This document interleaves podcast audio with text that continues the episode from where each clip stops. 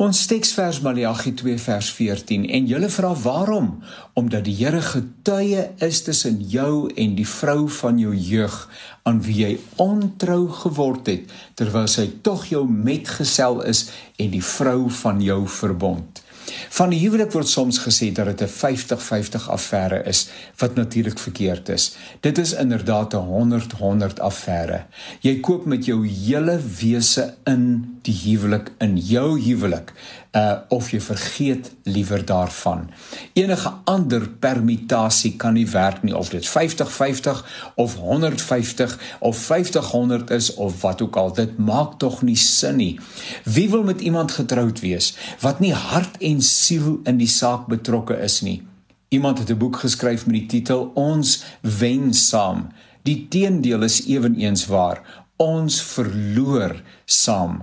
Waar een wen en die ander verloor, het ons met 'n kompetisie te doen, nie 'n huwelik nie.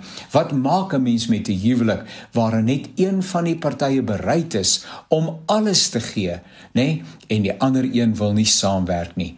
Sommige van ons sê ek bly ter wille van die kinders, die skyn en die eer van God maar almal het lei in so 'n verbintenis en dis nie die moeite werd om so te probeer lewe nie. Maar ek glo met my hele wese dat huwelike kan herstel. Daar is 'n voorwaarde, totale oorgawe aan die herstelproses. Om met 'n agterdeur te werk gaan nie help nie. Dan liewer glad nie die vertrek binne gaan nie. As jy almekaar sê as dit nie werk nie, dan kan ek hier uit. Nee nee, daar is geen alternatief as dat dit moet werk nie. Daar is wonderlike hulp beskikbaar vir mense wat werk wil maak van hulle huweliksverhouding.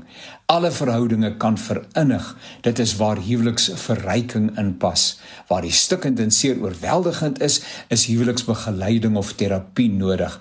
Volwasse mense soek hulp. Dis geen skande om te erken dat 'n mens in 'n doodloopstraat is nie. Die mees gelukkige getroude mense het al tye van droogte beleef. Dis onafwendbaar. God deur sy gees kan ons herstel en vernuwe. Maak vandag nog 'n afspraak met 'n terapeut en as dit goed gaan by julle, skakel in by 'n huwelik verrykingsprogram.